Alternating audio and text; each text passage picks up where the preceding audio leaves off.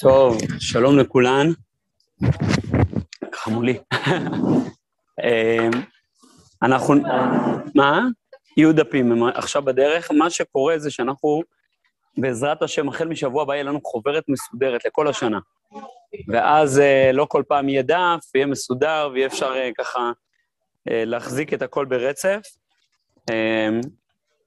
כל פעם התלבטתי אם להטריח את המדרשה להוציא חוברת. אמרתי, זה נראה לי טובת הלומדות, זה יהיה הרבה יותר מסודר, אז ככה יהיה. היום עוד נשתמש בדף עוד פעם אחרונה. אז אני עושה חזרה מזורזת על שבוע שעבר, ועוד מעט יהיה לנו את הדפים של היום. בעצם, דיברנו בשבוע שעבר, נתחיל מלפני שבועיים.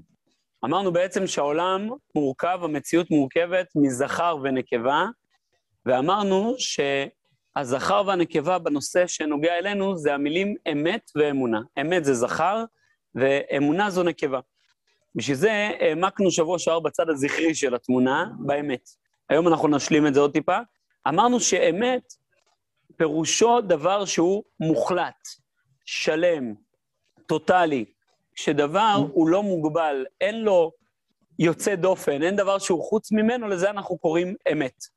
ניסחנו את זה באופן נוסף, אמרנו שאפשר להגדיר את המילה אמת. תודה רבה. מצוין. בסדר גמור, אז יש, יש פה כמה עמודים, שלושה עמודים, בסדר? שלושה דפים, סליחה. אנחנו לא נספיק את שלושתם הפעם, אז... לא, לכם היא הביאה לי את הלמודה. אז יש לכם שלושה דפים. בעצם הסברנו שהמילה אמת, הכוונה היא מוחלט, מקיף, כולל, שלם, לכן אמרנו א', מ', ת', מההתחלה עד הסוף, דרך האמצע, בלי שום יוצא דופן, שום דבר מחוץ לדבר הזה, זה נקרא אמת. ממילא, אם אני ארצה להחליף את המילה אמת, אולי אני אפילו נעמיק אותה רגע טיפה. כשאני רוצה להוכיח שדבר הוא אמיתי, כן, כן, הנה, יש פה דפים. הנה. צריך עוד הרבה, אז הנה יש פה בשמחה. הם עוברים עוד, אז זה שלושה דפים לכל אחת.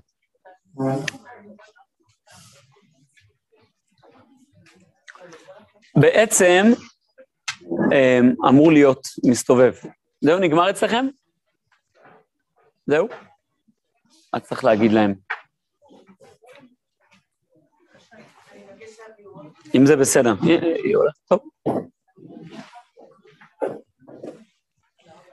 בעצם, כשאנחנו פוגשים את המילה אמת, אם אני רוצה להוכיח שדבר הוא אמיתי, ככל שאני אסביר הסברה יותר כוללת, כך הדבר יתיישב כדבר יותר אמיתי על הלב שלנו. לדוגמה, אם אני עכשיו אסביר תופעה מסוימת, אני אגיד שהסיבה שיש לנו פה אור, זה בגלל שהמנורות פה מסודרות בצורה מסוימת, לכן יש לנו אור, אז אתם תשתכנעו בצורה מסוימת. אבל אם אני אסביר שתמיד כשמנורות מסודרות באופן מסוים זה מייצר אור, אוקיי, אז זה יותר אמיתי.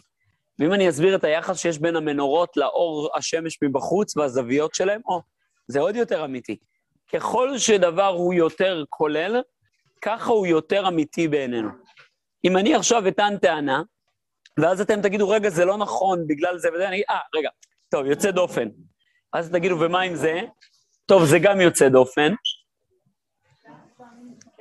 כן, מצוין, מצוין. תודה רבה, תודה גדולה. אם על כל דבר אני אגיד, זה יוצא דופן וזה יוצא דופן, וזה יוצא דופן וזה יוצא דופן, אתם תגידו, טוב, אז אתה אומר משהו לא אמיתי. אם הכל יוצא דופן, אז זה לא אמיתי. בלשונו של הרב קוק במקור הראשון, הוא אומר ככה, כל גילוי רוח, לפי התגברות הכללות שבו, כך הוודאות מתחזקת בקרבו. ככל שאמירה רוחנית מסוימת יותר כוללת, היא יותר מקיפה, היא מסבירה יותר תופעות, כך היא מייצרת לי יותר ודאות, יותר אמון בה, אני מקבל אותה כיותר אמיתית. לדוגמה, אם אתה תבוא ותסביר לי את תופעת הכפירה בעם ישראל, אבל לא תסביר לי את זה כחלק מתהליך כל הכפירה העולמית, או כל תנועת ההשכלה, או בכלל כל ההתפתחות של העת החדשה, אז אני לא ודאי שזה התיאוריה השלמה. אבל אם תבוא ותראה לי איך זה דבר שמקיף את כל חלקי המציאות, אני אהיה יותר ודאי בתיאוריה שלך, יותר ודאי בדבר. בעצם, ממילא, לפי מידת ודאותו, כשם שאינו נותן מקום לספק, כך איננו מוותר את זכותו לאחרים לשתפם עמו. ממילא, ככל שאני יותר ודאי במשהו, אני פחות סובלני לשיטות חולקות. אנחנו הרבה פעמים, אנחנו מאוד מאמינים בסובלנות, נכון? זה מידת נפש מאוד טובה. אנחנו רואים שהתורה לא תמיד סובלנית. היא לפעמים, לדוגמה, יש לנו מצווה, השחט, שרוף וכלה. יש לנו מצווה להרוס עבודה זרה, להשחית אותה. ושיברתם את מוצבותם, ואשריהם תשרפו באש, פסילי אלוהים תגדעון. למה ככה? למה? תהיה מכיל, תהיה סובלני, למה אתה כזה קיצוני? היום יותר מדי מכיל. יכול להיות, אבל למה לא להיות קצת מכיל לפחות? למה ללכת כל כך קצה? התשובה היא שככל שהאמירה היא אמירה יותר שלמה, כך היא פחות סובלנית לתיאוריות אחרות. אם יהיה רופא שהוא לא בטוח במה שהוא עושה, אז הוא בא ואומר, טוב, אולי יש דעה אחרת, אולי יש דעה אחרת. אבל אם יש רופא שאומר, אני ודאי, אין לי מה לדון, כי, כי אין אופציה אחרת. עשיתי מחקר של שנים, מוכח באופן ודאי ומוחלט שכך וכך, ממילא, למה שאני אהיה סובלני אל דעה אחרת שבה אומרת, רגע, יש תיאוריות ישנות שמסבירות אחרת את המציאות. אין לי סיבה להיות סובלני לדעה אחרת, כי היא לא נכונה. כי היא לא נכונה. כי האמת היא שאני, אני, יש לי את כל התמונה. עכשיו, במבט אנושי אין רופא שיכול להגיד שיודע את הכל, אין חוקר שיודע להגיד שכל האמת אצלו. זה מה שאמרנו, שהאדם הוא כולו שקרים, הוא לא באמת אמיתי. אבל ככל שאנחנו נקבל תפיסה יותר אמיתית, יותר כוללת, יותר מקיפה, ממילא היא פחות סובלנית. עולם פוסט-מודרני ומכיל, כמו שאנחנו חיים בו, שאומר שלכל דעה יש מקום, הוא עולם שהוא נובע מהאמירה שבאמת אין אמת. זאת הסיבה. כיוון שאין אמת, אין מוחלט, זאת הדעה שלי, או כמו שזה מנוסח ברחוב, זאת האמת שלי, וזאת האמת שלך. כשאין אמת, ממילא אתה מוכן להיות ככה סובלני לכל הדעות, עם כוכבית מאוד גדולה. כי הרבה פעמים, זה שמעתי ניסוח מאוד יפה, אני לא יודע אם שם מכירות את השם, מהרב יוסף קלנר. אז הרב קלנר, פעם ראיתי ניסוח מאוד יפה שלו, שהוא הגדיר שפלורליסט הוא פנאט סמוי. כלומר, הוא לא פנאט על פני השטח, הוא מאוד מכיל, הוא מאוד סובלני, אבל הוא פנאט סמוי. כי אני אתן דוגמה לחוויה שהייתה לי. אני מלמד בכל מיני מסגרות בתל אביב עם אה, אנשים חובשי כיפת שמיים, נקרא לזה. באחת המסגרות אה, נקראת המקום, אם אתם שמעתם על זה. אני לומד בהמקום, ויום אחד סיימתי שיעור, והגיעה אליי תלמידה מאוד קבועה בשיעור, מאוד רצינית, הגיעה אליי ואמרה לי, אני משתגעת מהשיעורים שלך. עכשיו, היא הייתה נראית לי מאוד ככה נהנית, אבל לא הבנתי למה. אני משתגעת מהשיעורים שלך. אמרתי לה, למה? באמת, באיזה, באיזה גאווה אתה מעז להגיד משפט ולשים בסופו נקודה? איך אתה יכול להגיד בוודאות משהו? אמרתי לה, וואלה, לא חשבתי על זה, מה, מה הבעיה בזה? אז היא אמרה, כשאתה מסיים משפט, אתה צריך לשים בסופו סימן שאלה. אמרתי לה, למה? היא אמרה, כי אין לך ודאות בשום דבר. אמרתי לה, שימי סימן שאלה. אז סימן שאלה, תשאלי, האם אין ודאות בשום דבר? למה את כל כך ודאית שאין ודאות? את כאילו אומרת, אין דעה מוחלטת, אין, אי אפשר ללכת בוודאות, אבל את הולכת בוודאות על זה שאין ודאות. את זה את מקבלת כדבר מוחלט וודאי לגמרי. אני מסכים איתך, אם את תבואי ותגידי, בוא נלמד. האם אפשר, אי אפשר, בוא נחקור, בוא נברר, אני איתך, זה מה שאני עושה כל היום. אני יושב בישיבה בתל אביב, כל היום יושב, מתווכח עם אנשים, זה מה שעושים. היה פעם אחת, אולי סיפרתי את זה פה, פעם אחת השכנה של הישיבה, במקום הקודם שהיא הייתה, הגישה תביעה משפטית נגד הישיבה, על רעש. הרעש, יש רעש מהישיבה, לא כי עושים מסיבות, אלא כי, כי בבית מדרש יש רעש. בישיבה הקודמת שלמדתי בה, ישיבת עטרת כהנים, אז הרב אבינר יום אחד טען שיש הרבה רעש, הוא הביא, אחד האברכים בישיבה, הוא למד בשעות הפנאי, ורוב היום הוא עסק ב, בטיפול ברעשים. ואז הוא אמר לו, תביא בבקשה מודד רעש, ותבדוק כמה רעש יש בבית המדרש. הרעש בבית המדרש בעטרת כהנים היה שווה ערך למועדון. למועדון, זה מטורף. השכנה... ב... אה, אפשר להבין. היא הגישה תביעה, ואז השופטת שלגביה היא שפטה את התביעה, היא אמרה, ארדנה ורה, פה נתבונן במציאות. היא בבית דינה, כמו שרש"י מסביר. הוא בבית דינו, היא ירדה לראות את המציאות. היא ירדה, היא נכנסה לבית המדרש, היא באמת הזדעזעה מכמות הרעש, ואז היא ניגשה לראש הישיבה. אמרה לו, יש לי פתרון בשבילך. מה הפתרון? אני לא יודעת אם שמת לב. הסיבה לרעש פה זה כי אנשים לומדים בזוגות. אם כל אחד ילמד לבד, לא יהיה כל כך הרבה רעש. כי הם מדברים, ואז גם הם מדברים, והם מדברים, ואז נוצר רעש. אז הוא אמר לה, כנראה שלא הבנת. אני לא לא שמתי לב, ככה זה בנוי אצלנו. הגמרא חוזרת על זה כמה פעמים, או חברותא או מיתותא. אם אין לך חברותא, אתה מת. למה? כי מי זה מת? מת זה מישהו ששקוע בתוך עצמו, הוא לא, לא חלק מהמרחב. אדם שאין לו חברותא, הוא לא יוצא מעצמו, הוא לא מתווכח, הוא לא מברר. אמרתי לה, אין לי בעיה, את רוצה בחברותא לבוא להעיר לי מה את חולקת עליי, ואני אגיד לך מה אני חולק עלייך, ונברר ביחד בשמחה. אבל היכולת לבוא ולסתום את הפה למי שחולק עליך כי צריך להכיל, זה לא נקרא דיון. זה הורס את כל תרבות הדיון. אתה בא ואומר, ברגע שיש לך דעה, אתה לא בסדר. לא, זה אי אפשר להגיד. בעצם, אומר הרב קוק, האמירה הוודאית היא שוות ערך, כלומר, האמירה האמיתית, היא שוות ערך לאמירה הכוללת, שתופסת הכל, היא שוות ערך למילה אחד. היא רואה רק אמירה אחת. היא לא באה ואומרת, תראה, לי יש דעה כוללת, מקיפה, וכל אחד והדעה שלו, לא. היא מנסה לתפוס את הדעה הכי כוללת. ממילא, כמו שאמרתי מקודם, אף אחד מאיתנו לא יכול להיות פטרון על האמת. כי אמת, מבט כולל, מקיף, אחד, שמצליח לתפוס את כל ההיבטים, אולי אתן מסוגלות, אני לא. אני מביט על, על מה שאני מצליח. כדי לתפוס תפיסה כוללת ומאחדת שמסבירה את כל ההיבטים, זה רק אחד יכול. לכן המשנה אומרת שאין דן יחידי, אלא יחידו של עולם. כלומר, דיין שנמצא בבית דין לא יכול לדון לבד. אני צריך עוד זוויות, עוד צדדים, עוד היבטים כדי להוציא אמת, עד כדי כך שיש לנו דבר שנקרא דין שקרי. כאשר כל הדיינים חושבים אותו דבר, פוסלים את הדין. למה? כי לא יכול להיות שכולם חושבים אותו דבר. זה, יש בתי משפט שבהם זה כן עובד, שכולם חושבים אותו דבר. אבל בעיקרון, בית משפט הוא מקום שבו צריך לברר. ממילא צריך להיות מחלוקת. בן אדם, זה בדיוק מה שדיברנו לפני שבועיים, כולו שקרים. מה הכוונה? זה לא שהוא שקרן, במובן שהוא לא תופס את כל התמונה האמיתית, הכוללת. אני יכול לתפוס מה מתוך התמונה הזאת אני קולט. ממילא, אנחנו פותחים את קריאת שמע בהכרזה, שמע ישראל השם אלוקינו השם אחד, ואנחנו חותמים אותה במילה, השם אלוהיכם אמת, כי זה היינו הך. דבר שהוא אחד, הוא תופס את כל התמונה כולה, זה אמת. כאשר אני תופס חצי תמונה, אני לא תופס אמת. אני לא תופס את האמת השלמה, ממילא זה לא, לא אמיתי. אם אני אגש, כמו שאמרנו בשבוע שעבר, אגש כעד להעיד איזה עדות אמת, אבל הפרט הזה חסר, והפרט הזה חסר, הפרט הזה חסר, והפרט הזה חסר, אז אני לא עד אמת. אבל, אבל אולי אני צודק במה שאני אומר, יכול להיות. אבל עד אמת זה מי שנותן תמונה מלאה, לא מי שנותן חצי תמונה וחלקית מאוד. ממילא, הקדוש ברוך הוא ייקרא אמת. כי הוא נקרא אחד.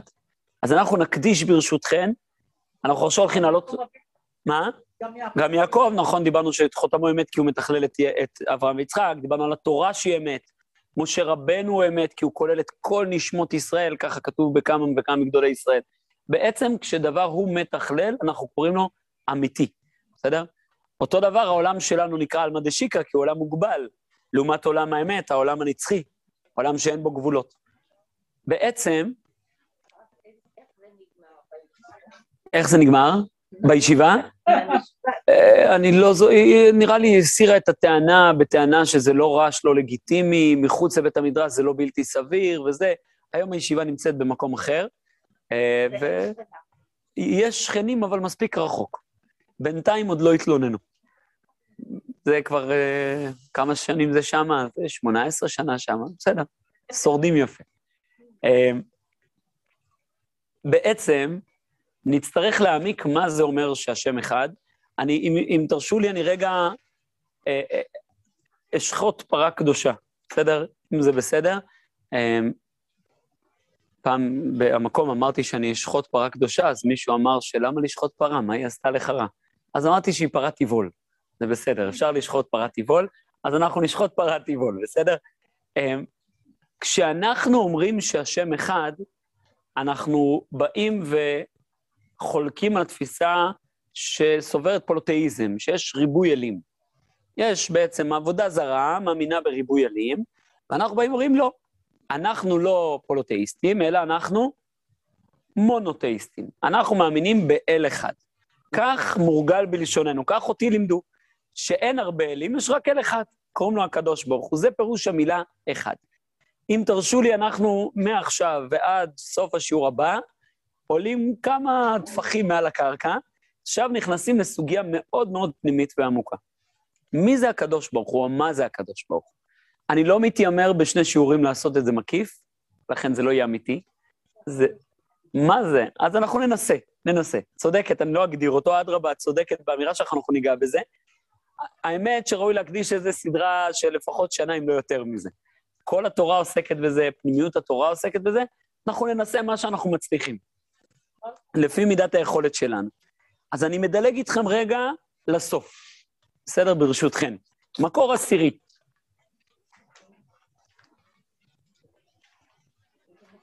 המקור העשירי. הרב קוק בא ואומר ביטוי מאוד מעניין. הוא אומר ככה, זה איגרות הראייה, איגרת מ"ד, איגרת מאוד ארוכה, שהרב קוק התכתב עם תלמיד חכם בשם רבי שמואל אלכסנדרוב. היה להם התכתבויות מאוד מורכבות, מאוד קשות, רבי שמואל אלכסנדרוב היה גאון. גאון, אבל הוא היה ממש בר פלוגתא, היה חולק הרבה על הרב קוק, והרב קוק הרבה הרבה השקיע בו, ללמד אותו את יסודות האמונה. ככה הרווחנו מזה הרבה מאוד. רב, רבי שמואל אלכסנדרוב, אני חושב שישב בחוץ לארץ, אם אני לא טועה. האמת היא שהיו איגרות של הרב קוק שלא הבנתי. מה הוא עונה לו, על איזה שאלות, היה לא מובן, ו, ועשתה איתי חסד בדודה שלי, היא למדה בדיוק באותם שנים באוניברסיטת בר אילן, ואמרתי לה, אולי בספרייה תמצאי, והיא מצאה איגרות רבי שמואל אלכסנדרוב, יש ספר כזה, ואז היא הדפי, עשתה איתי חסד, מתנה ליום הולדת, היא צילמה לי את כל האיגרות שלו לרב קוק, זה לא מעט. עמדה שם בספרייה וצילמה וצילמה, קיבלתי ממנה ככה את האיגרות, אז זה טיפה עשה לי סדר. הרב קוק דן איתו פה על ההבדל בין אמונת ישראל לבין הדתות המונותאיסטיות. כי לכאורה אני ו- והמוסלמי, אנחנו מאמינים באותה אמונה לכאורה. עד כדי כך שכותב הרדב"ז, רבי דוד בן זמרה, מתקופת, בדיוק המעבר בין הראשונים לאחרונים, בעל שו"ת הרדב"ז, השו"ת הכי גדול שנכתב ביהדות, הוא בא וכותב תשובה שאין ייחוד כייחוד המוסלמים. כך הוא אומר. כלומר, המוסלמים, כשהם אומרים שאללה הוא אחד, הם באמת, אין בהם רבב של עבודה זרה, הם באמת מייחדים ייחוד אמיתי. הם באמת אומרים, שמע ישראל השם אלוקינו השם אחד. ככה הוא כותב. אבל הרב קוק טיפה מחדד, הוא טיפה חולק עליו, והוא טיפה מחדד את הנקודה הזאת. הוא בא ומבאר מה נקודת ההבדל בין מונותאיזם לבין היהדות, מה נקודת החילוק. אז הוא אומר ככה, מישהו מגזע אלילי, שאבותיו היו יכולים להסיח את דעתם אלוהי ישראל, דקאו לי אלאה דאליה, יוכל להסיח דעתו ממשהו על כורכך, יותר רם על כל, אף על פי שלפי ערכנו הוא כמי שאינו. כי שום צורה מושכלת ומטאפיזית לא נמצא בו. אבל ידענו שאי אפשר אחרת, כי אם הכל ממנו. אני אסביר טיפה. בעצם אומר הרב קוק, התודעה האלילית, עובדי עבודה זרה, הם היו בעלי מה שהרב קוק קורא תפיסה ילדותית. ילד, דיברנו על זה כבר בשיעורים הקודמים, ילד יש לו נטייה לתפוס אובייקטים. כלומר, אני חושב שאני יודע מי זה אבא שלי באמת. אני חושב שאני באמת מכיר את אימא שלי, אני מכיר באמת את חבר שלי. הבאנו דוגמה, אם אתה מעמיד ילד ואומר לו כמה אחים יש לך, אז הוא יגיד, יש לי שלושה אחים. וכמה אחים יש לאחיך? שניים. למה? כי לי יש שלושה. לו יש שניים. אני לא מצליח להבין שכמו שאני תופס אותו מהמבט שלי, גם הוא תופס אותי מהמבט שלו. ילד לא מסוגל לתפוס ייחוסיות, סובייקטיביות. אין לו את הכלים לדבר הזה עד שלב שהוא מפותח יותר. זה, אתה יכול לתת לילד, מה אתה רואה פה? מסך. מה אתה רואה פה? מדבקה. מסך, מדבקה, מסך, מדבקה, עכשיו אתה מראה לו, מה אתה רואה? מסך. מה אני רואה? מסך. הוא לא מצליח להבין שיש זוויות מבט אחרות מהזוויות שלו. אומר הרב קוק, זה בעצם התודעה האלילית, התודעה שהאנושות הייתה בה בילדותה. איפה האנושות הייתה? במקום מאוד ילדותי שבא ואומר, מי זה אלוהים? אלוהים אני יכול לתפוס אותו, אני יכול להגדיר אותו, אני יכול לאפיין אותו בכל מיני תכונות. אחד יאפיין אותו כגיבור, אחד יאפיין אותו כאוהב, אחד יאפיין אותו כרחמן. כל אחד יאפיין אותו בדרך אחרת, וממילא הוא יעבוד לאל האהבה. הוא יעבוד לאל הגבורה. הוא יעבוד לאל היופי. כל אחד יבוא ויגיד מה הדבר הכי גדול בעולם, וינסה להכניס אותו למשבצת, להגדיר אותו. אומר הרב קוק, האמת היא שגם ילידי הגזע האלילי, כלומר, גם העמים היום שהם תולדות של הגזע האלילי, הם לא שינו את התודעה העקרונית שלהם. מה הכוונה? הנצרות, היא טוענת שיש אלוהים אחד ולא ריבוי אלים. אבל האלוהים אחד הזה הוא אלוהים קונקרטי, הוא אלוהים מוגבל, הוא אלוהים מסוים. מה האלוהים הזה? הוא אל האהבה, החסד והחנינה. זה מי שהוא. האם אלוהים הוא נוקם ונותר? לא, לא, לא, לא, לא. זה לא אלוהים. זה לא אלוהים, כי אנחנו מאמינים בדת של אהבה, חסד, חנינה, רחמנות, בסדר? וממילא אלוהים שלהם הוא אלוהים מוגבל. בדיוק כמו עבודה זרה, אני מגביל אותו. יכול להיות שאני עובד לפסל פיזי, ויכול להיות שאני עובד לפסל רוחני. מה הכוונה? שמבחינה רוחנית יש לי איזו דמות מוגבלת שזה אלוהים. אלוהים זה משהו מסוים. זה, אני, אני אנסח את זה בצורה קצת, אה, קצת קיצונית. אלוהים זה מישהו. אלוהים זה משהו. זה דבר שאני יכול להצביע עליו ולהגיד, זה אלוהים. זה דבר איום ונורא. למה? כי ברגע שאמרת שזה אלוהים, ממילא אמרת שזה לא אלוהים. ממילא יש, אלוהים הוא לא כולל את כל המציאות. אלוהים הוא פרט במציאות. אני מעיר בהערת סוגריים, אני חושב שרובנו, אני אגיד עליי, עד שלא למדתי את התכנים האלה, אני ככה חייתי. יש בעולם כל מיני דברים. יש עצים, יש בני אדם, יש עמים, יש בתים, ויש עוד דבר בעולם שקוראים לו אלוהים. אלוהים הוא חלק מהעולם, הוא יחידה בתוך העולם, הוא חתיכה בתוך העולם. ככה אני תפסתי. מזה באה אמירה, אלוהים נמצא בשמיים. אלוהים נמצא בשמיים?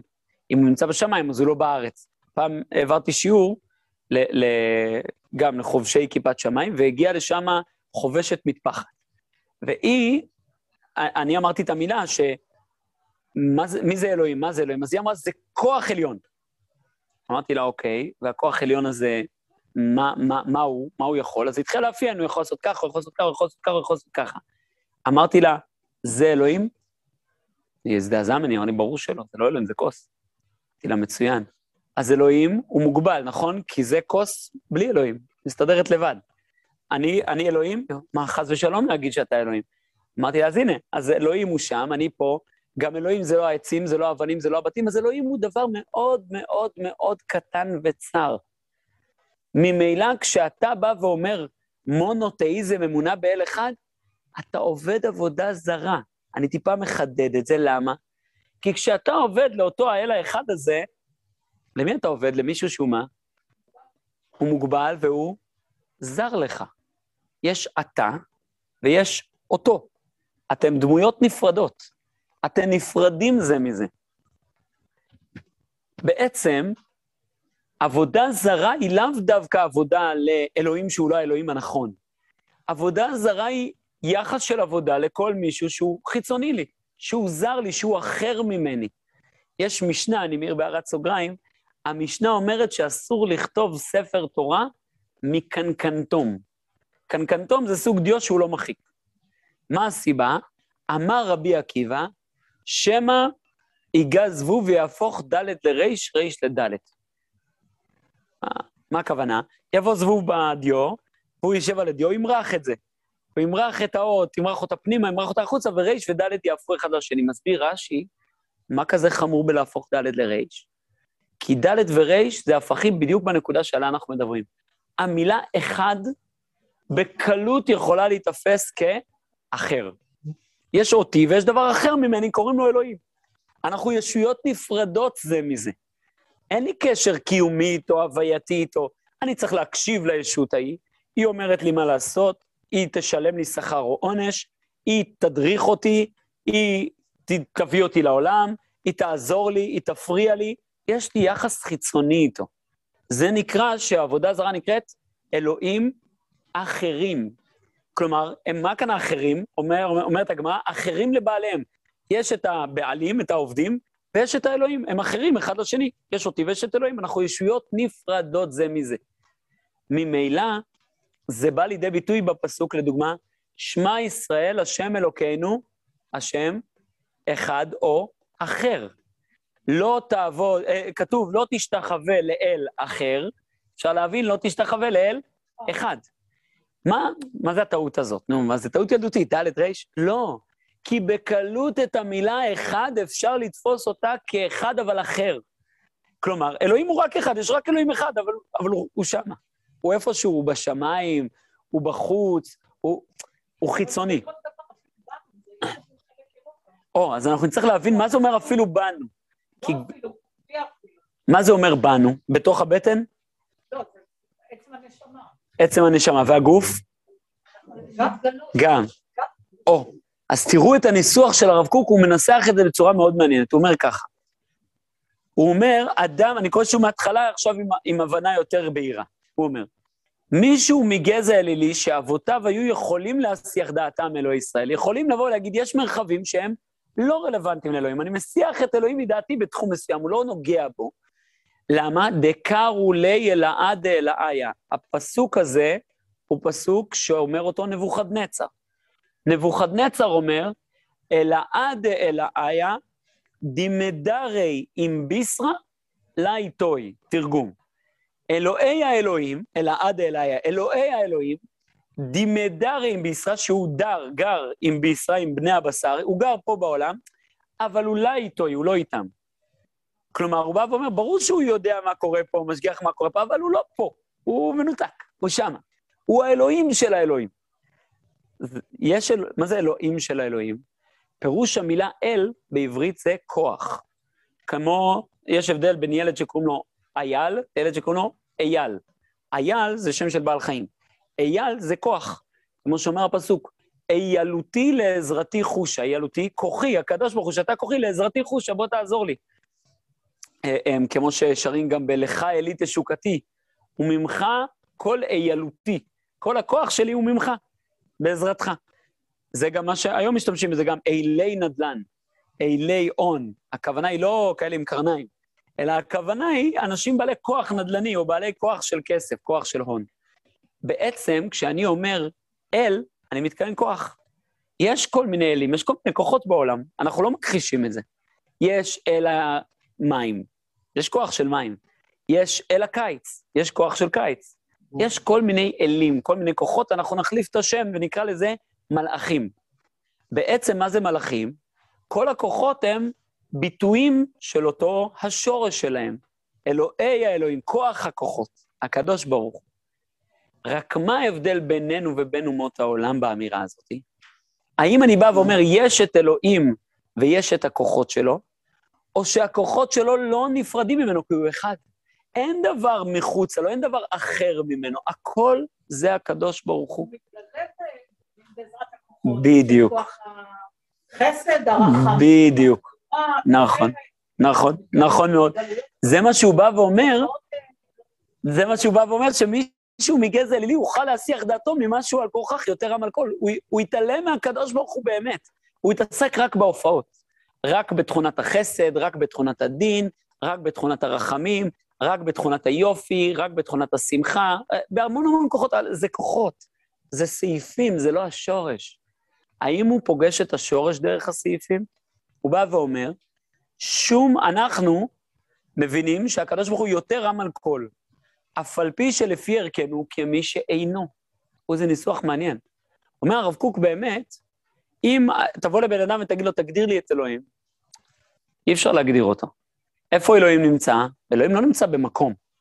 מתי אלוהים עסק, הוא לא מוגבל לזמן. אז, אז מה זה אלוהים? הוא אומר, אלוהים זה, זה עין. זה עין. על זה אנחנו באים ואומרים, מאין יבוא עזרי. מה כאן המאין? יש פה דבר שהוא אין. מה כאן הוא אין? מבחינתנו אין פירושו לא קיים. אבל האמת שיש דברים שהם אין, אבל הם דברים הכי קיימים. תראה לי את החיים, תראה לי את, את המציאות. אני לא יכול לראות את המציאות, אני יכול לראות כוס שהיא סעיף של המציאות, שולחן שהוא סעיף של המציאות, פלאפון שהוא סעיף של... את המציאות אני לא יכול לפגוש, כי זה דבר כל כך גדול, כל כך רחב, שאני לא מסוגל לתפוס אותו. אני מסוגל לתפוס אותו דרך הביטויים שלו. המציאות באה לידי ביטוי דרך כל מיני דברים שנמצאים. אבל את המציאות אנחנו יכולים לתפוס? אי אפשר לתפוס. המציאות, אנחנו לגבינו, אומר הרב קוק, היא נקראת עין, כאילו לא קיימת. למרות שאין דבר יותר קיים מהמציאות. זה הדבר הכי קיים. זה כל כך קיים, כל כך רחב, כל כך עקרוני, שאתה לא יכול להגדיר את זה ולצמצם את זה. אתה לא יכול להקטין את זה. אומר הרב קוק, שום צורה מושכלת ומטאפיזית לא נמצאת בו. אל תאפיין אותו בשום צורה, שום הגדרה, שום אפיון. הרבה פעמים אני יכול להגיד לכם עליי, לי יש דמיונות, מי זה אלוהים? הוא, יש לו זקן, הוא... זה דמיונות לא מטאפיזיים, זה דמיונות ממש פיזיים. יש לו זקן, יש לו פנים, יש לו רגליים, ידיים, שערות, זה הכי גרוע שיש. אבל אומר הרב קוק, גם אם אתה אומר, אין לו שום, שום, שום, שום פיזיות, אבל יש לו תכונות, יש לו אישיות. אלוהים כועס, אלוהים רוצה, אלוהים שמח, אלוהים הוא כך, אלוהים הוא אחרת, אז אתה מגדיר אותו. סליחה. או, שאלה, נהדרת. שאלה נהדרת, נענה עליה שנייה. כן, אבל בפועל, היום, אנחנו לא יודעים אם הוא כועס, אם הוא לא כועס, אם הוא חרון. לא אנחנו לא יודעים כלום עליו. אז אני, אני אגיד משהו שהוא טיפה יתבהר לנו אחר כך, זה יהיה לנו יותר בהיר. בעצם, התיאורים בתנ"ך הם תיאורים שנועדו בשביל נוכחות. כלומר, אני אתן דוגמה. כשאני מדבר, את מסתכלת אליי. זה אני? לא. אז למה את מסתכלת לפה? זה, זה אני, כן? זה חלק מי שאני. אני... זה הגוף שלי, תראי איך הגדרת את זה. הגוף הוא שלי. זה לא אני, אבל. זה הקול שלי, זה הגוף שלי, אבל זה לא אני. אני שאלתי, האם אתם יכולים לראות אותי, את האני שלי? לא. ברור שלא. אנחנו נעזרים בכלים מבטאים לדברים שאנחנו לא יכולים לתפוס. כשאני מדבר, הרי מצד האמת, הייתי יכול, ככה שמעתי ש... שימימה, בעלת שיטת ימימה, הייתה מלמדת. הייתה עומדת על מרפסת, לא היו רואים אותה, והתלמידים היו מקשיבים למטה. הייתה ככה בצניעות. עכשיו, באמת, מצד האמת היה אפשר לוותר על המעמד הזה. למה? כי אתן לא צריכות להסתכל עליי ואני לא צריך להיות פה, ואנחנו יכולים לשבת ל... אני, ש... בוא נפנה את הגב, נשב במעגל, גב אחד לשני ונדבר. למה צריך להסתכל? בזום? זום זה עוד uh, קצת קרוב, אבל למה אני צריך לראות? למה אני צריך לפגוש באופן ממשי? כי אנחנו כבולים למרחבי הגוף. ולכן כשאנחנו מדברים על דבר מופשט, אנחנו תמיד מנסים להחזיק אותו, לקרב אותו, למשש אותו. בעצם, זה פעם שמעתי מאוד יפה, אמ, אני גרתי במעלה הזיתים בעבר, אמ, אז, אז היה לי שכן, קוראים לו הרב יוסי חייקי, והוא סיפר לי שפעם הוא היה בשיעור אצל הרב טאו עם עוד כמה חברים, ובשיעור מישהו אמר לרב טאו, אבל מה זו אמונה? ואז הרב טאו אמר לו, תשים לב לאצבעות שלך. אמר לו, מה הבעיה? אמר לו, מה עשית? הוא אומר, שאלתי, מה זו אמונה? מה, אתה מנסה למשש.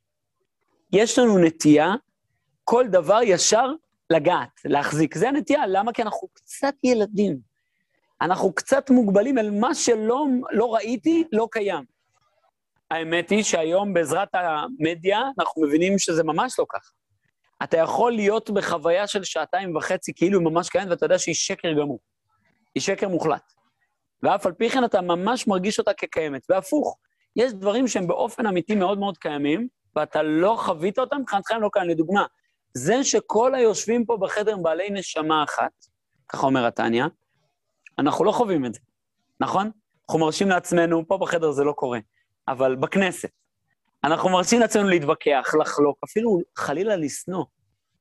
הרי זה מצד האמת, זה בלתי סביר. אתם ישות אחת.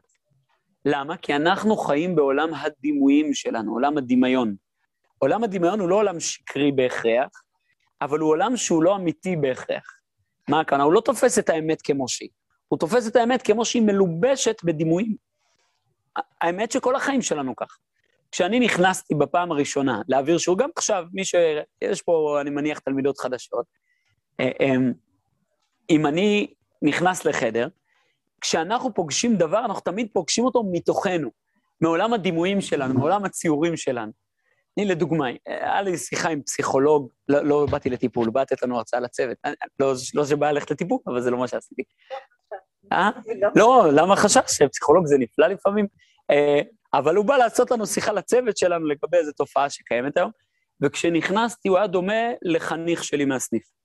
מלפני 16 שנה, יש, אני, אולי חלקכם מכירות אותו, קוראים לו יונתן אוריך. הוא האיש אה, מדיה חברתית של אה, ראש הממשלה לשעבר של נתניהו, אז הוא האיש מדיה חברתית שלו, שפטו אותו כמה פעמים על זה וכאלה, זה איש מעניין. איך שנכנסתי, ראיתי שהפסיכולוג דומה לו, אוטומטית, כל מה שהוא אמר, הבטתי מהזווית הזאת. מהזווית הזאת. כשאני, כשאני נכנסתי, בטח uh, כולכם אמרתם, טוב, הוא ילד, אז... או לא, אני לא יודע. Uh, אז בואו נביט מזווית מסוימת. ב... ככה אנחנו עובדים. אנחנו תמיד באים מהציורים הפנימיים שלנו, אני אגיד יותר מזה. גם כשאני בא ומדבר את מה שאני אומר, אתם לא שומעות את מה שאני אומר. אתם שומעות את מה שעולם הציורים שלכם מסוגל לדמות אליו. לכן, באמת, אין לנו יכולת לתפוס אמ-, אמירות מופשטות, אמירות מוחלטות. אנחנו תמיד תופסים מתוך עולם ההקשרים שלנו. אבל שם טוב מגדיר את זה מאוד יפה, הוא אומר, כל נגעים אדם רואה חוץ מנגיע עצמו. אז אפשר להבין את זה בצורה פשוטה. אדם רואה את כל הנגעים בעולם חוץ מאת הנגעים שלו. זה הפירוש הפשוט. אבל שם טוב בא ואומר, לא, כל נגעים אדם רואה חוץ מנגיע עצמו. כלומר, כל מה שאתה, כל החסרונות שאתה רואה בעולם בחוץ, זה נובע מנגיע עצמו, מדברים שאתה מכיר בעצמך, ואתה עושה השטחה החוצה אל המרחב. למה? כי אני חי מבפנים החוצה. ככה אנחנו חיים.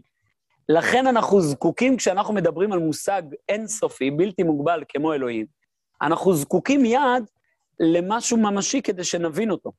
אבל כשאני אומר שהקדוש ברוך הוא יש לו עיניים, אז יבוא הרמב"ם ויגיד, הוא משגיח. אבל אם אני טיפה אנקה את הדמיון שלי מלכלוכים, אני אבוא ואגיד, מה זה אומר משגיח? זה אומר שהקדוש ברוך הוא רואה מה קורה, כלומר, עכשיו לדוגמה, אמ, הוא ראה שהתחיל השיעור, אז השתנה אצלו משהו, עכשיו הבין שהתחיל השיעור? לא יכול להיות, כי הוא לא מוגבל לזמן. האם כשאני עכשיו התפללתי לפניו, עשיתי לו מניפולציה ושכנעתי אותו, הוא לא חשב מקודם לתת לי להיות בריא ועכשיו שכנעתי אותו, אז עכשיו נותן לי להיות בריא? מה, הוא כזה מוגבל שאני יכול לעשות לו מניפולציות? זה לא יכול להיות. אז מה זה אומר שיש לו אוזניים והוא שומע אותנו? מה זה אומר שיש לו עיניים והוא רואה אותנו? אז התחלנו ממקום מאוד ילדותי, יש לו עיניים, עלינו למקום טיפה יותר בוגר, אמרנו, מה זה עיניים? שהוא רואה, משגיח. מה זה אוזניים? שהוא מקבל תפילה. ועכשיו צריך לעלות למקום עוד יותר בוגר, להבין מה זה אומר שהוא מקבל תפילה. מה זה אומר שהוא משגיח. מה זה אומר שהקדוש ברוך הוא נמצא. הוא נמצא כמו שאני נמצא, כלומר, הוא במקום. מבחינתנו, כדי שדבר יהיה, הוא חייב להיות בגבולות המקום והזמן. הוא חייב להיות במקום מסוים, ובזמן מסוים. אין דבר שנמצא אם הוא לא במקום. אבל זה לא לגמרי נכון. לדוגמה, המציאות היא מאוד נמצאת, נכון? היא הכי נמצאת, אבל היא לא מוגבלת אל מקום וזמן, הפוך. המקום והזמן הם סעיפים של המציאות. למה אני כל הזמן חוזר למשל הזה, המציאות, המציאות, המציאות? כי זה פירוש המושג אלוהים. כשאנחנו קוראים לו בשמו, אנחנו משתמשים במילים, במיל... באותיות י' וה' וו' וה', הוויה. הוא ההוויה, הוא המציאות, או בלשונו של הרמב"ם, אני מדלג איתכם רגע אחורה, למקור מספר שלוש. אומר הרמב"ם, יסוד היסודות, זה בעמוד הראשון, יסוד היסודות והמו, ועמוד החוכמות, הוא לא בכדי כותב ככה, רומז פה לאותיות י' וה' וו' וה', ראשי התיבות, נכון מאוד, זה ראשי התיבות של ארבעת המילים הראשונות, י' וה' וו' וה', יסוד היסודות ועמוד החוכמות. אם אתה רוצה לדעת את היסוד, את ההוויה, את הקדוש ברוך הוא, הוא מה? הוא לידע שיש המצוי ראשון, והוא ממציא כל נמצא. וכל הנמצאים משמיים וארץ ומה שביניהם לא נמצאו, אלא מאמיתת הימצאו. אני אסביר. בעצם אומר לנו הרמב"ם, יש מצוי ראשון, יש דבר שלפני שאני בכלל מדבר, קודם כל, הוא לא, נמצא, אלא הוא מצוי, הוא המציאות. הקדוש ברוך הוא נקרא המציאות, וכל מה שאתה מכיר הוא כל הנמצאים, כל הדברים שאתה פוגש. הפיזיים, הרוחניים, לא משנה מה, מהשמיים והארץ. שמיים, רוחני. ארץ, גשמי. בין מהשמיים, בין מהארץ, בין הדברים הרוחניים, בין הדברים הגשמיים, ומה שביניהם לא נמצאו אלא מהמיטת הימצאו. כל מה שאתה פוגש זה רק כיוון שיש אלוהים, אז עכשיו יש הבעה כזאת של אלוהים. זה מביע את אלוהים, זה מביע את אלוהים, זה מביע את אלוהים, זה מביע את אלוהים. בעצם, כל מה שאנחנו פוגשים זה הבעות שונות של דבר שאותו אי אפשר לתפוס. הוא מובע דרך כל מיני דברים. לדוגמה, אנחנו רואים שהעולם מסודר, אז הקדוש ברוך הוא מובע כמשגיח. האם זה אומר שהקדוש ברוך הוא משגיח? לא. הקדוש ברוך הוא זה עליון ממשגיח. משגיח זה צורה מסוימת שבה אנחנו מסוגלים לקלוט אותו. האם הקדוש ברוך הוא, נמצא במקום? לא. אז איך יש בית מקדש? כי זה דרך מסוימת שדרכה אנחנו מסוגלים לקלוט את נוכחותו, כמו שהבאתי בדימוי מקודם. העיניים שלי, הגוף שלי הוא כלי שדרכו אתם מסוגלים לקלוט את הנוכחות שלי. האמת היא שאני נוכח בין אם אני נמצא פיזית פה ובין אם לא, כי הנוכחות שלי לא מוגבלת למקום, כי הנשמה היא אינסופית, אלא אני מובע דרך גוף במקום מסוים, בזמן מסוים, במעשים מסוים. אני אתן לזה דוגמה. כשאנחנו, לדוגמה, בני זוג שמתחתנים, האם אני מכיר את אשתי? לכאורה כן. לכאורה כן. כן, לא, בלי דרשות, אני מכיר אותה, היא אשתי, לא, זה פשוט, היא אשתי, אני אמור להכיר אותה. האם יוצא בחיים שאני בא ואומר, וואו, לא ידעתי שיש בה ככה, לא ידעתי שהיא כך וכך? פשוט שכן. כל כך הרבה פעמים, אפילו על עצמנו. אפילו על עצמנו, למה?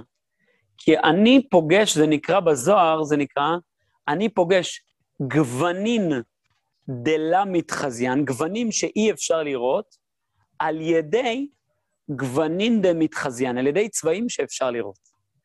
מה הכוונה? דרך דברים שאותם אני קולט, אני נפגש עם משהו מעבר ליכולת הקליטה שלי. משהו שהוא עמוק יותר, הוא פנימי יותר. אשתי היא הרבה יותר מכל השיחות שיהיו לנו ביחד, מכל התכונות שלה, מכל המעשים שלה, מכל הדבר, מהכל. זה הרבה יותר עמוק מכל זה. אם אני עכשיו אצטרך לסכם את אשתי במשפט, אני ממילא אעשה דבר לא תקין. אני אשקר. אני לא מסוגל להביע את כל האמת הזאת, כל התמונה השלמה הזאת במילים. אבל מה, אתה לא מכיר אותה? מכיר אותה מצוין. זה נקרא, בלשון הקדמונים, אומרים, אם יהיו כל הנערים דיו. מה הכוונה? תביא את כל המים שבעולם, תהפוך אותם לדיו, אתה לא תוכל לכתוב את חללו של עולם, את המציאות באמת. למה? כי כל מה שאתה תגיד זה כבר פרט, זה כבר מוגבל, זה כבר חלקי, זה כבר לא האינסופי, זה כבר לא הפנימי. גם לגבינו. האם אני יכול להגדיר מי אני? אני לא יכול להגדיר מי אני. תאפיין, נכון? אתה בא לראיון עבודה. נו, ספר על עצמך. אני יכול לספר מה עשיתי, מה אני חושב, מה אני רוצה, מה אני מרגיש, את התכונות שלי אני יכול לספר. אני לא יכול לספר את השורש של התכונות. את המי אני אני לא יכול להגיד. לזה אין מילים למי אני. בדיוק, נפלא. בדיוק. זה אילו ידעתי והייטיב. למה? כי בעצם, אם הייתי יכול לדעת, כלומר זה היה מוגבל בתוכי, ממילא הוא היה כבול אליי, מוגבל אצלי, קטן לגבי, אני הרבה יותר רחב ממנו, כי הנה אני מסוגל לתפוס אותו. ממילא אילו ידעתי והייתי. זה בעצם הנקודה שהרמב"ם בא ומבאר לנו. מי זה הקדוש ברוך הוא? מצוי ראשון, עצם המציאות. מה זה המציאות? אנחנו הרבה פעמים נופלים להנחה, מה זה המציאות? זה העולם הזה. לא, גם עולם הבא הוא מציאות. גם לפני העולם זה מציאות, גם אחרי העולם זה מציאות. העולם הזה זה פרט אחד של המציאות, ביטוי אחד של הקדוש ברוך הוא. סעיף אחד, זה לא הקדוש ברוך הוא. פה נקודת ההבדל בינינו ובין תפיסה נוספת, אמרנו פולותאיזם, מונותאיזם, ויש את התפיסה שהטמיעה אותה שפינוזה שאומרת פנתאיזם. מה זה פנתאיזם? הכל אלוהים. המציאות היא אלוהים. אם המציאות היא אלוהים, זה אומר שאלוהים הוא מוגבל, הוא רק המציאות. אנחנו באים ואומרים, המציאות היא הבאה של אלוהים. או בניסוח שמנסח את זה הרב הנזיר, תלמידו של הרב קוק, אנחנו פן אנתאיזם. כלומר, הכל מאלוהים. לא הכל זה אלוהים, אלא הכל מאלוהים. כל המציאות היא הופעה של השם. האם המציאות היא השם? לא. המציאות היא הופעה, היא ביטוי של השם. ממילא, תראו איזה נגזרת מדהימה יוצאת מהאמירה הזאת. ממילא, הכל קשור באמת. אמרנו, השם הוא האמת, כי זה המוחלט, המקיף, הכולל. הכל קשור באמת. למה? כי הכל מביע את האינסופי, הכל מביע את האמת, את השלם, את הכולל. זה, זה, המצ... זה מי שאנחנו. הקדוש ברוך הוא מובע פה, הקדוש ברוך הוא מובע פה, הקדוש ברוך הוא מובע פה, הקדוש ברוך הוא מובע פה. הקדוש ברוך הוא מובע בכל דבר ודבר, מביע משהו מהאלוקות. משהו מהאלוקות. האם הוא מביע את כל השלמות האלוקית? לא. זה היחס של מה שאמרנו לפני שבועיים, בין המילה אמת למילה אמונה. בעצם, אמת, אמרנו, זה הזכר, האינסופי. אמונה זה כבר איך הדברים מתקבלים, איך הם כבר מוגבלים בהופעה מסוימת. ממילא, תראו איזה נגזרת מדהימה יוצאת מהדבר הזה. ממילא, אני חוזר לשיעור הראשון, הכל מאמין, כולם מאמינים. גם החתול מאמין, כי גם החתול מגלה את האמת. כמו שהחתול יכול לגלות את האמת. גם העץ מאמין, כי גם העץ מגלה את האמת, את האינסופיות, כמו שעץ יכול לגלות את האמת. הכל מאמין לא כי הוא בוחר להאמין, כי הוא חושב ש... כי הוא מרגיש ש... אלא כי האמת מתבטא דרכו, כי הוא כלי קיבול אל האמת. האמת מופיעה דרכי, מתקבלת בתוכי. בין אם אני יודע את זה ובין אם לא, זה לא משנה. עצם הווייתי היא הופעה של האמת, רק הופעה מסוימת, הופעה מוגבלת. הרמב"ם, אני רק מעיר הערה, בתוך הרמב"ם, בוודאי, כי הוא גם הופעה של השם. נכון מאוד. עכשיו אנחנו צריכים להבין, מה? נכון. הופעה של האמת. האם הוא הופעה שלמה? לא, הוא הופעה מאוד חסרה. אפילו הכי חסרה. נגזרת שזה, גם חטאים הם הופעה של האמת. האם זה אומר, נו, אז אין בעיה לחתום? מה פתאום? אם, בוא, ננסח את זה ככה. אם הבן שלי, הוא יכול להוכיח שהוא הבן שלי בזה שהוא חושב כמוני, זה מאוד גרוע כשהורה חושב ככה, אבל שהוא חושב כמוני, שהוא מתנהג כמוני, שהוא הולך על פי תפיסותיי, שם ממש מוכח שהוא הבן שלי. כשהוא מתנהג הפוך ממני, הוא גם מוכיח שהוא הבן שלי? איך? זה לא מוכיח שלא. איך הוא מוכיח שהוא הבן שלי? מה? אין לו יחס עזב את הבית. הוא לא מוכיח שהוא הבן שלי? איך הוא מוכיח? הוא שכח מההורים שלו. הוא לא, אני אגיד יותר מזה, ילד ששמו אותו בגיל אפס בסלסלה אצל משפחה אומנת. האם הוא מוכיח שהוא הבן של ההורים שלו? הבן הזה, הוא לא יכול להתנתק מההורים שלו, לא משנה מה הוא, הוא הבן של ההורים שלו. כי עצם מציאותו הוא בן של. בין אם הוא יודע, בין אם לא, בין אם הוא בוחר בזה, בין אם לא, זה לא משנה את אמיתת המציאות שלו, הוא באמת, מה מציאותו? הבן של. בין אם הוא רוצה בזה, בין אם לא, אני יכול להגיד שהיו תקופות שהסתובבתי ברחבי כפר סבא וכולה, אימא שלי, זכר צדיקה לברכה, היא הייתה משפחת הייצלר.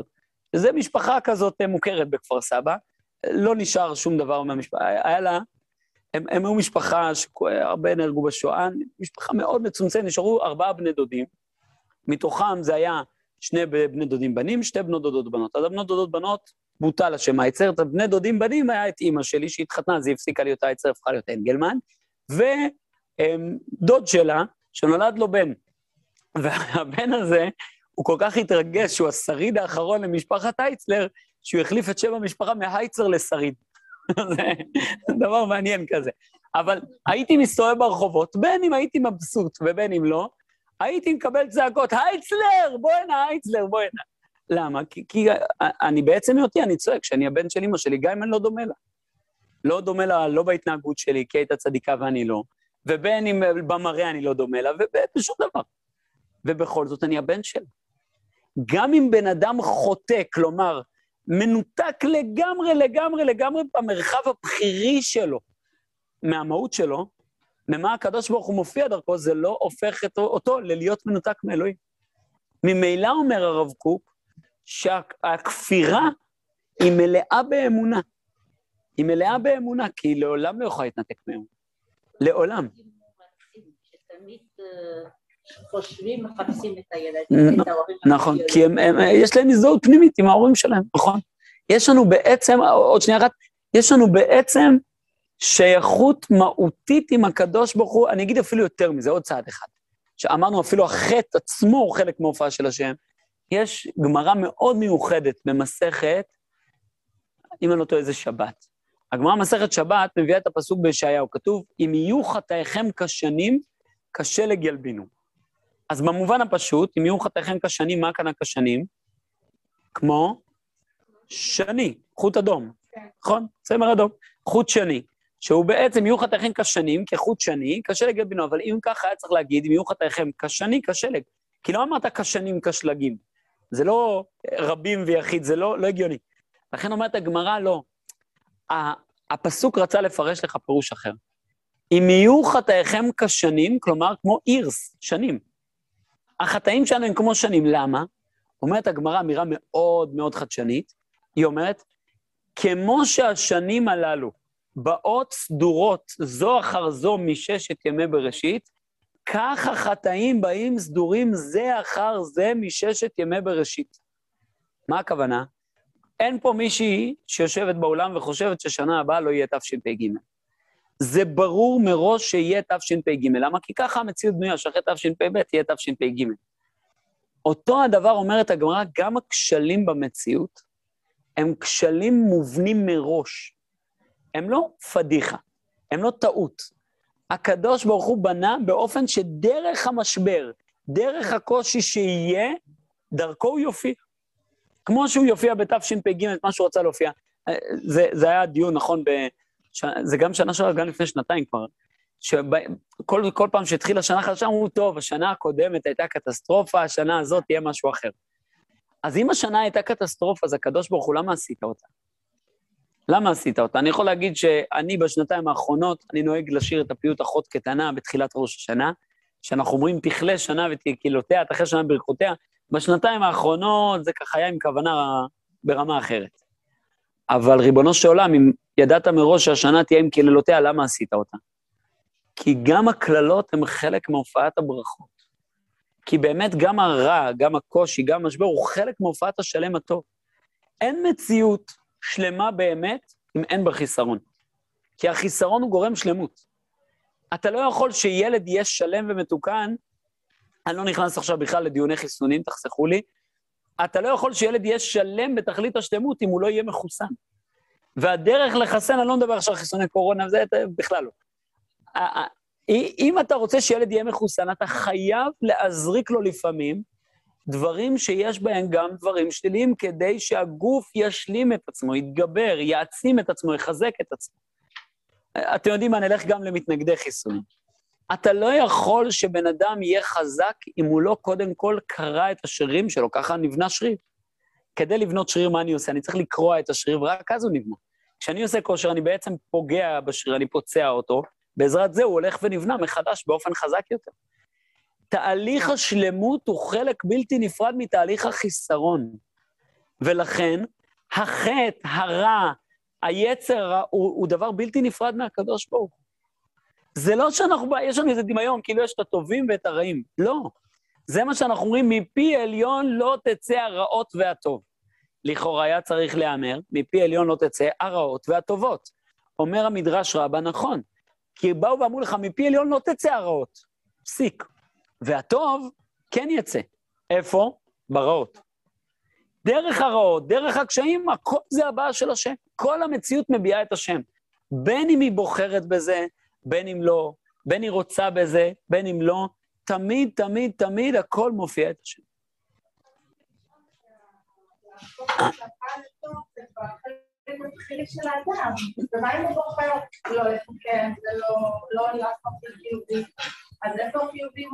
אז החיובי הופיע בעל כורחו של האדם. אני פספסתי את הזכות שלי להיות שותף, אבל החיובי הופיע.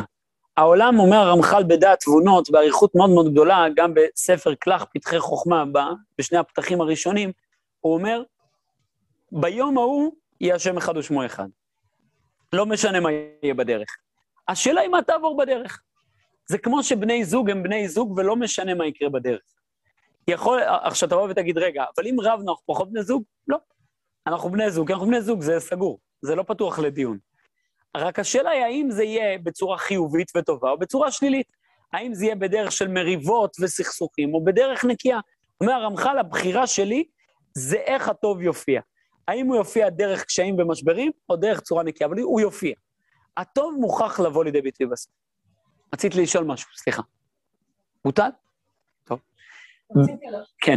רציתי להגיד שהרב אמר אה, שגם חטאים זה מששת ימי בראשית.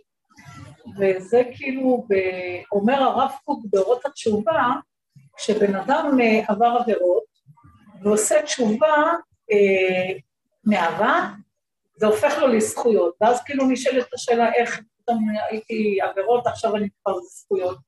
ומהמקום הזה שגם החטאים היו מששת, אבל ברגע שקלטתי ועשיתי תשובה מאהבה, אז זה עבר למצב נכון, של... נכון, נכון. הסרתי את הכיסויים, עד עכשיו זה היה דמיון כאילו אני מנותק.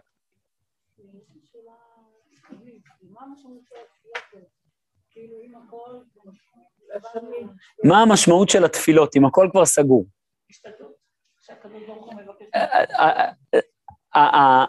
זה אותו שאלה כמו לשאול אמ, מה המקום של מצוות, מה המקום של לבחור, מה המקום של לעשות.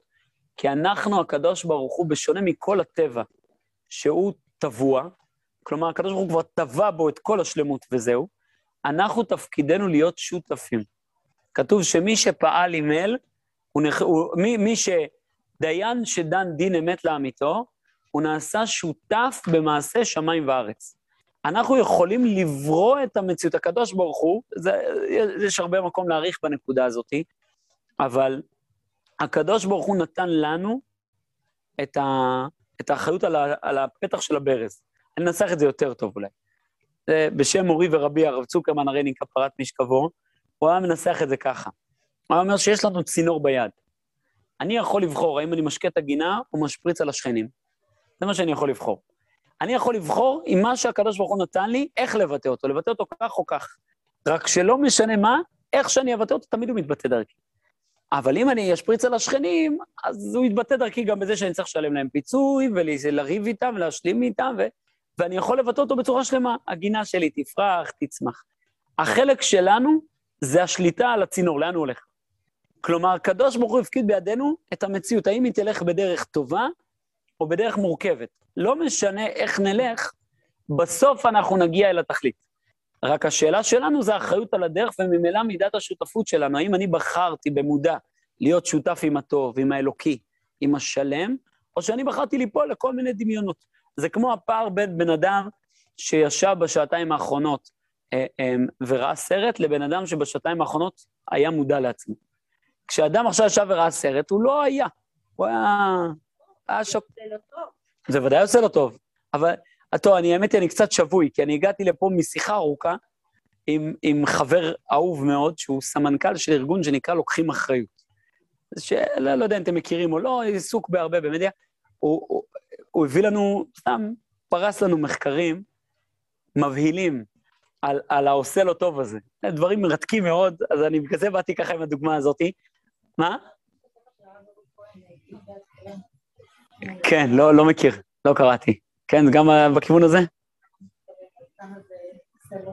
אז, אז הוא, הוא אמר, הוא דיבר על ה... נכון, הוא חולם, אבל החלום הזה, הוא, הוא דיבר על זה, הוא, הוא הביא לנו דוגמה מאוד יפה. אני אתן את זה ככה פה בהערת סוגריים. הביא לנו דוגמה מאוד מאוד יפה. הוא אמר, בחיים יש לנו שלושה דברים שמעסיקים אותנו. אהבה ושייכות, העצמה, בסדר? ומשמעות. זה ככה, הוא חילק את זה ככה על פי כל מיני uh, חוקרים, ואז הוא אמר, יש שתי צורות למלא את הנפש. אני יכול למלא אותה במילוי אמיתי, הוא הביא כלי. הביא קופסת פלסטיק, והיה שם אבנים אדומות, אבנים צהובות, אבנים כחולות, ואז הוא התחיל לדבר על איזה דברים מלאים אותנו באהבה ושייכות, ואז הוא בא ואמר, זה דרך אחת להתמלא. ואני יכול להתמלא בחוויות לא אמיתיות של אהבה ושייכות, חוויות של העצמה וחוויות של משמעות. זה נעשה בדרך שהיא לא עברה בדברים משמעותיים. הרי אם אני רוצה להתמלא באהבה ושייכות, אז שלושה דברים מצריכים. אחד, אני צריך מאמץ, אי אפשר לקנות אהבה ושייכות אמיתיים בלי מאמץ, זה לא עובד. בדיוק, אין דבר כזה זוג שמתחתנים וזה... זה, זה לא קיים הדבר הזה. אה, בסרט, או לא יודע, רב שלמה זלמן, רב שלמה זלמן בהספד שלו לאשתו, אז הוא אמר, אני לא מבקש ממך סליחה, כי מעולם לא פגעתי בך. טוב, לא, זה מלאכים, זה לא אנחנו. אנחנו אנשים מהשורה, כדי לקנות אהבה ושייכות צריך להתאמץ. אותו דבר גם העצמה. כדי להוציא מהכוח אל הפועל את הפוטנציאל שלנו, אני צריך אלף פעם לנגן על גיטרה ולא להצליח להשמיע צליל עד שאני מצליח. אותו דבר גם במשמעות. כשאני רוצה לצעוק אחרי משמעות, המשמעות לא באה כך. כמו שאומר השיר, משיח לא בא, משיח גם לא מטלפן, אז נאמר שם, מה שבא בקלות, באותה הקלות ייעלם. ככה נאמר. זה, ככה זה עובד. אין, זה לא, לא מחזיק. דבר שני, זה מצריך זמן. זה צריך תהליכיות, לאורך זמן, לא רק מאמץ, אלא גם תהליכיות. דבר שלישי, זה מצריך ממני להבין שהחיים לא בנויים מחוויות בומבסטיות. חתונה, בעזרת השם, יש פעם אחת בחיים. אבל האהבה היא לא בחתונה. האהבה היא בשטיפת כלים, בלקום לילד בלילה, בדאגה בסוף יום כשאתה מת מעייפות, כששניכם חוזרים עייפים ומסתרים על הספה, מי יקום ויכין לשני את הכוס קפה? מי יקשיב באמת לעולמו של השני? לצאת ממרחב הנוחות. ואז הוא, הוא הביא דבר מדהים, הוא הניח ככה את האבנים, וליד זה הוא הניח גם מים באותם צבעים. ואז הוא אמר, אני יכול לקחת עכשיו חוויה של אהבה, חוויה של העצמה וחוויה של משמעות, והוא התחיל לשפוך אותם לכלי. אממה, לא קלטנו, הוא עשה בכלי חורים למטה. והכל יצא. הוא אמר שבאופן מחקרי, הוא הביא שם מחקרים מפחידים ממש, שככל שבן אדם צורך יותר מדיה, מידת הדיכאון שלו עולה בצורה דרסטית. אחוז הדיכאון אצל בני נוער היום הוא ברמה קיצונית, הוא הביא שם נתונים מבהילים, ומאוד לא דתיים, תורניים, זה מה, מה, מהעמדות הכי פרוגרסיביות והכי חזה, ממש כמה מדיה היא מפרקת את הבן אדם, כי הוא אומר, מה זה? בעצם, אנשים, המפתחים, זיהו שאדם זקוק לצרכים האלה. כמו שאמרת, הוא רוצה כיף, הוא רוצה נעימות, הוא רוצה אהבה, הוא רוצה משמעות, הוא רוצה, אבל הם הבינו שגם אנשים לא רוצים לצאת ממרחב הנוחות, לא רוצים להתאמץ, ואין להם זמן. לא רוצים להשקיע לאורך זמן, רוצים תוצאות מיידיות, רוצים חוויות בומבסטיות. אז בואו ניתן לו חוויה בומבסטית של אהבה, ואז הוא עשה דבר מדהים. זה היה קטע מדהים. ישבנו שם, אני מצעירי הצאן שם, ישבו שם רבנים רציניים, והוא שם תמונה של הטיטניק עם המנגינה מהסרט טיטניק. ואז הוא אמר, כשאתה שומע את זה ורואה את הטיטניק על חוף הים, בסדר? הוא צנזר, לא שם את הבני זוג שם, רק את הטיטניק. זה מוסיף הרבה, אבל נראה לי שהרבנים שם לא היו שמחים מהעניין. אה, ואז הוא אמר, עכשיו חווית חוויה עוצמתית, אתה מרגיש אהבה, אתה מרגיש משמעות, והוא אמר, ועכשיו, קיבה. עם מה נשארת? כלום. אתה התמלאת והתרוקנת באותה מהירות. באותה מהירות. ממילא, אתה מבין שככל שאתה צורך יותר את הדבר הזה, אתה, מתמ... אתה מרגיש שזה מלא אותך יותר, אבל אתה לא מודע כמה זה מרוקן אותך יותר. ולכן גם, זו תופעה שקרתה בשנים האחרונות, זה אני שמתי לב לפני, שמחתי שהוא אמר את זה גם, עמודי אינטרנט הפסיקו להיגמר. בעבר היית גולל ב... לא יודע, בערוץ חדשות למטה, יש סוף עמוד. היום עמודי אינטרנט אין להם סוף. אתה גולל, זה מוסיף ומוסיף ומוסיף, ורשתות חברתיות ו... וסרטים, זה ככה זה עובד. סיימת סרט, אין דבר כזה. הוא אוטומטית טוען לך את הסרט הבא, תוך כדי הוא גם אומר לך, אלא אם כן אתה רוצה זכות בחירה, אני נותן לך את החוויה שאני לא מכריח אותך, אני פורס לך איזה אתה בוחר. זה דבר מדהים. מה הכוונה? גם אה, כשאני שמה ביוטיוב... אה, ברור, ברור. עוד לא סיימתי עם הרב חגי, לא חד, חד משמעית, חד משמעית. זה, אבל זה, זה... זה נכון, אבל... אה, נכון, זה צעד שהוא, שהוא עלול להיות בעייתי אם אני מפסיק להיות הבוחר, וזה מתחיל לבחור לי. בעצם, זה, זה היה הערה מאוד מאוד יפה שלו, שהוא בא ואמר, הוא הביא נתון מרתק, עשו מחקר אצל כל יושבי עמק הסיליקון. המפתחים של כל המדיות, הם, ב- בלשונם, אצלם בבתי הספר מלמדים עם לוח וגירים. אין מסכים, אין מחשבים. סטיב ג'ובס, הממציא של אפל, שאלו אותו כמה אייפדים יש לך בבית, הוא אמר אפילו לא אחד. אפילו לא אחד. הוא אמר, אני בשום אופן לא מוכן שילדים שלי ישתמשו בזה. יש לו אינטרס לא להגיד את זה. האינטרס שלו להגיד, בטח, הילדים שמשתמשים, זה הדבר הכי טוב. מתוך אנשים שפיתחו ונמצאים בתוך הגופים האלה, והם פשוט חושפים את ה... איך הם פשוט מנסים למכר את האנשים, האנשים כאילו, הם הצרכנים, הזמן של האנשים, זה הצרכן, זה הקהל יעד שלהם. זה לא פרסומות ולא כלום, פשוט לצרוך כמה שיותר, ואז כל המפתחים ככה שתהיה מכור ותרצה עוד ועוד ועוד ועוד זה, זה דבר מופלא, אני חייב להגיד, אני לא, לא הייתי מאמין, אלמלא ההיגיון הכלכלי היה אומר שהוא יגיד הפוך. הכי טוב היה להגיד, בואנה, זה חלום, יש לי בית, הכל מסכים, הוא, הוא יורה לעצמו ברגל. אבל הוא אומר את האמת.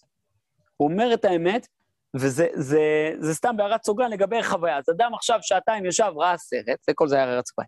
אדם עכשיו ישב, ראה שעתיים סרט, בסוף הוא, הוא היה חי, אבל היה חי על תדר מאוד מאוד מאוד נמוך. אם עכשיו בשעתיים האלה הוא עשה משהו, הוא התאמץ, הוא קנה, הוא רכש לעצמו איזה תהליך בנפש, אז הוא היה חי רק יותר. כלומר, בין אם אני הולך באופן של חטא, של פספוס, בין אם אני הולך באופן של מצווה, אני הייתי, ביטאתי את השם, השאלה היא כמה. השאלה היא כמה. כמה ביטאתי את המציאות האלוקית דרכי.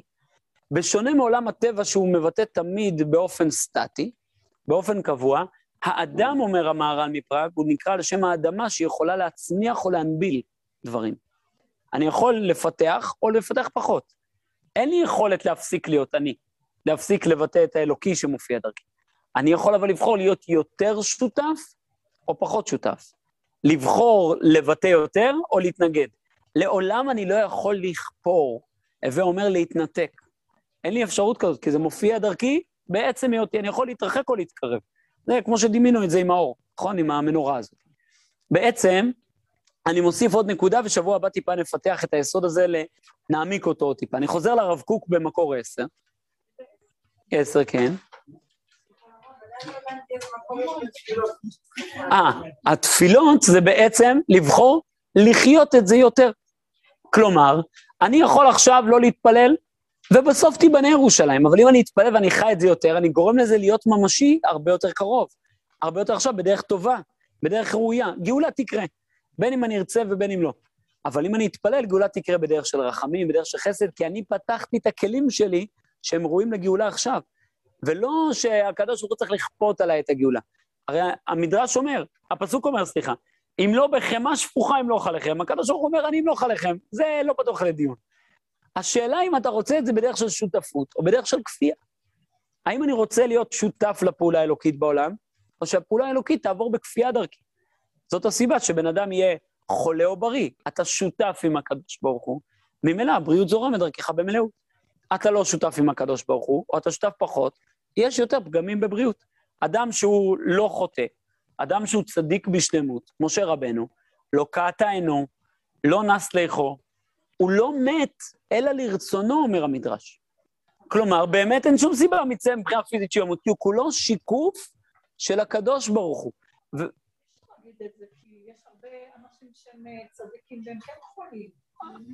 אני יודע, אני יודע, אני יודע עליו מה קורה, יש לנו שתי הערות בדבר הזה שהקדמונים אומרים. א', אני לא יודע מה קורה איתו. אולי לגביו הקדוש ברוך הוא מדקדק איתו כחוט השערה. ובאמת, היה לו חטא שלגבינו זה בכלל לא יקרא חטא.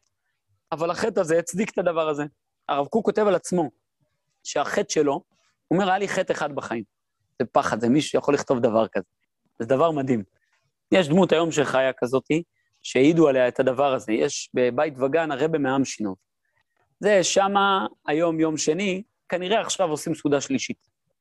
זה ככה. זה אין שעות, אין זמנים, אין... מעל הזמן לגמרי. זה שעות תפילה, שבת, יום חול, חגים, זה משהו יוצא דופן.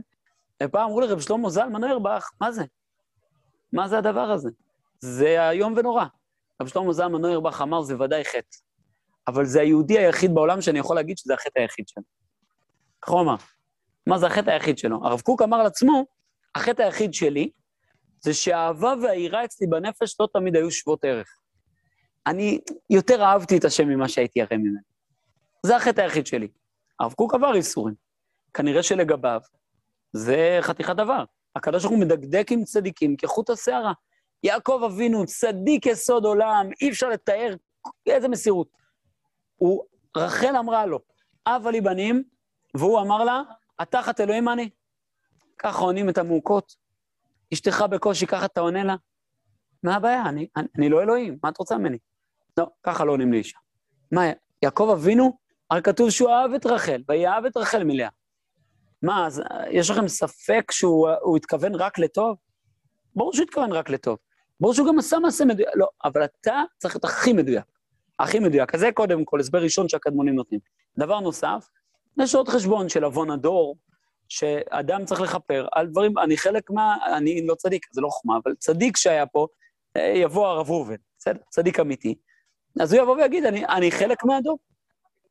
הרב אליהו, נכון. הרב אליהו לקח על עצמו באופן מפורש, הוא אמר גם. נכון?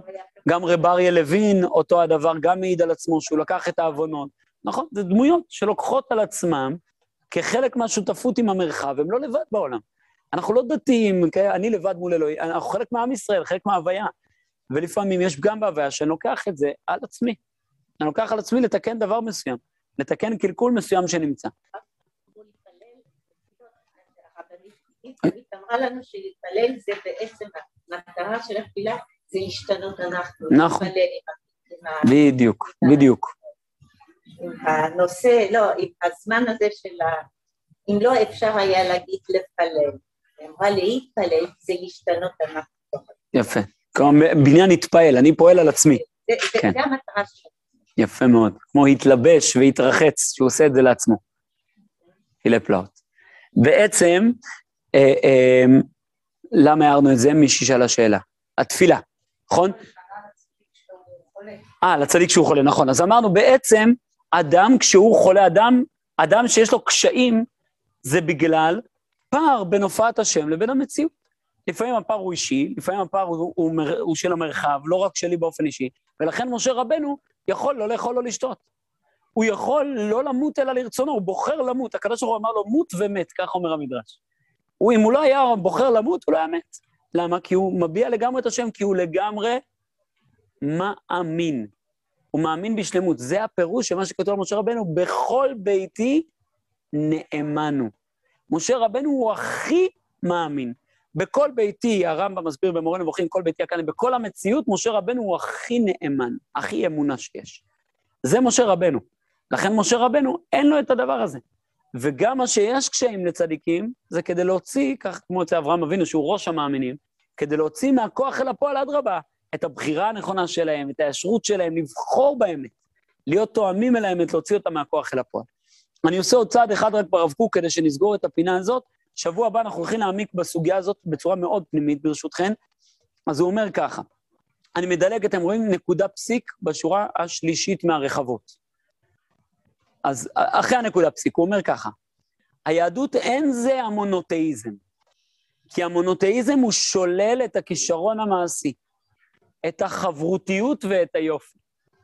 הוא אומר, תתבונן רגע בדתות מונותאיסטיות.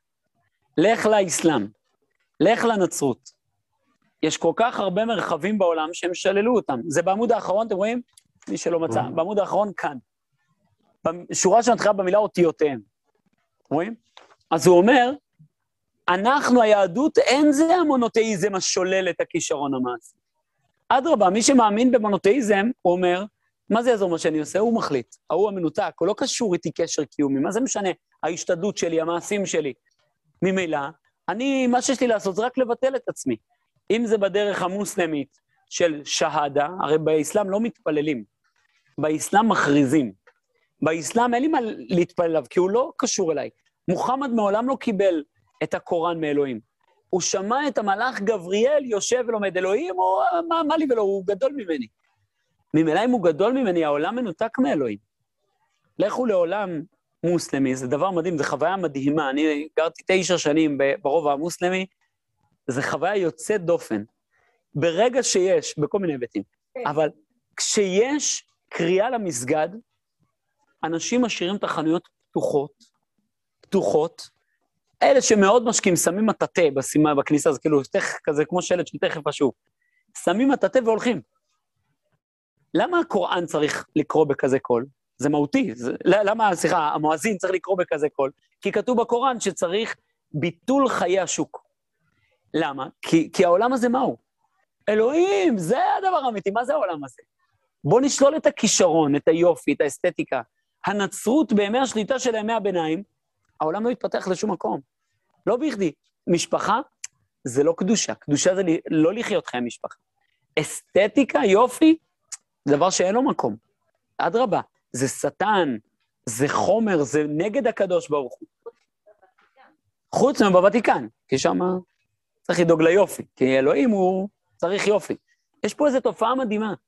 בגלל שאלוהים הוא מונותאיזם, אמונה באל אחד חיצוני, ממילא אנחנו והוא זה דברים נפרדים, ואם יש אותו, אין אנחנו. אם יש אנחנו, אין הוא. אצלנו זה בדיוק ניסוח הפוך. אמרנו שאצלנו, איך אנחנו קוראים לקדוש ברוך הוא? עין. עין, אומר הזוהר הקדוש, עין זה אותיות, אין, ואותיות גם, אני. אני ועין, זה מה שהוא אומר, תסתכלו, שורה אחת, חמש מילים לפני, הוא אומר, אני ועין מצטרפים על ידי אותיותיהם. אדרבה, כשאתה אומר אלוהים הוא עין, אני לא מגביל אותו, לא מאפיין אותו בשום צורה, בזה אני נקשר איתו קשר הכי קיומי, כי אני לא נפרד ממנו. זה שהוא עין, ממילא אני והוא לא, לא נפרדים, כי הוא לא מוגבל. אני והוא, הושיענה, נכון? אני והוא הושיענה, זה מה שהלל הזקן היה אומר כשהוא היה בא לבית המקדש, אם אני כאן, הכל כאן. מי זה אני? אני השם אלוהיכם. זה אני. אני? איך אנחנו יכולים בתפילה להגיד על עצמי, אני השם אלוהיכם? כי אנחנו לא נפרדים ממנו. כהוא זה. כי הוא לא ישות חיצונית. הוא לא איזה מושג רוחני מופשט מנותק. כי אנחנו לא מונותאיסטים, זה מה שהוא בא ואומר. המונותאיזם, סוף השורה, המונותאיזם הוא בדוי מליבם שנוחים, זה מושג גוי, זה לא מושג ישראלי, אנחנו לא מונותאיסטים. והוא מתורגם ארמית שלא בדיוק כלל וכלל. אנשים מתרגמים כאילו האמונה בהשם אחד, זה מונותאיזם, זה לא נכון, אומר לו, זה טעות. למה? כי הוא מין אין סוף מושג. זה כאילו יש איזה, אתה רוצה להגיד הוא אחד, הוא אין סוף, אבל, אבל הוא מושג, יש לו איזה תכונות, יש לו אופי, יש לו הגבלה. הוא אומר, הוא סותר את עצמו, ועל כן יעלה בתוהו. לעומת זאת, לא זהו מקור שם אלוהי ישראל. אצלנו, מה זה הקדוש ברוך הוא? הוא מקור הכל, כלומר, הוא אין סוף בלתי מושג, שהוא מקומו של עולם. מה הכוונה מקומו של עולם? כל העולם נמצא בו. אם אני מגדיר מקום, נגיד המקום, בית הכנסת, זה המקום שבו אנחנו נמצאים. כשאני אומר שהקדוש ברוך הוא מקומו של עולם, זה אומר שהעולם נמצא באלוהים. זה מה שאמרנו פננתאיזם, הכל מאלוהים, הכל באלוהים. אנחנו בלויים באלוקות, אנחנו לא נפרדים ממנה. זה לא שיש אותו ואותנו. אנחנו חלק ממנו. אנחנו הופעה שלו, אנחנו סעיף של אלוקות. זה מי שאנחנו. כדי להבין את המושג מקומו של עולם, אנחנו נאריך שבוע הבא קצת בלימוד של מה פירוש המילה אין עוד מלבדו. מה זה אומר השם אחד שאין עוד מלבדו? נאריך קצת במהר"ל, בנפש החיים ובתניא, מושגים טיפה קבליים, אבל ככה על קצה המזלג. אחרי זה הרב ראובן יבוא ויסביר את הדברים באמת, בעזרת השם. תודה רבה.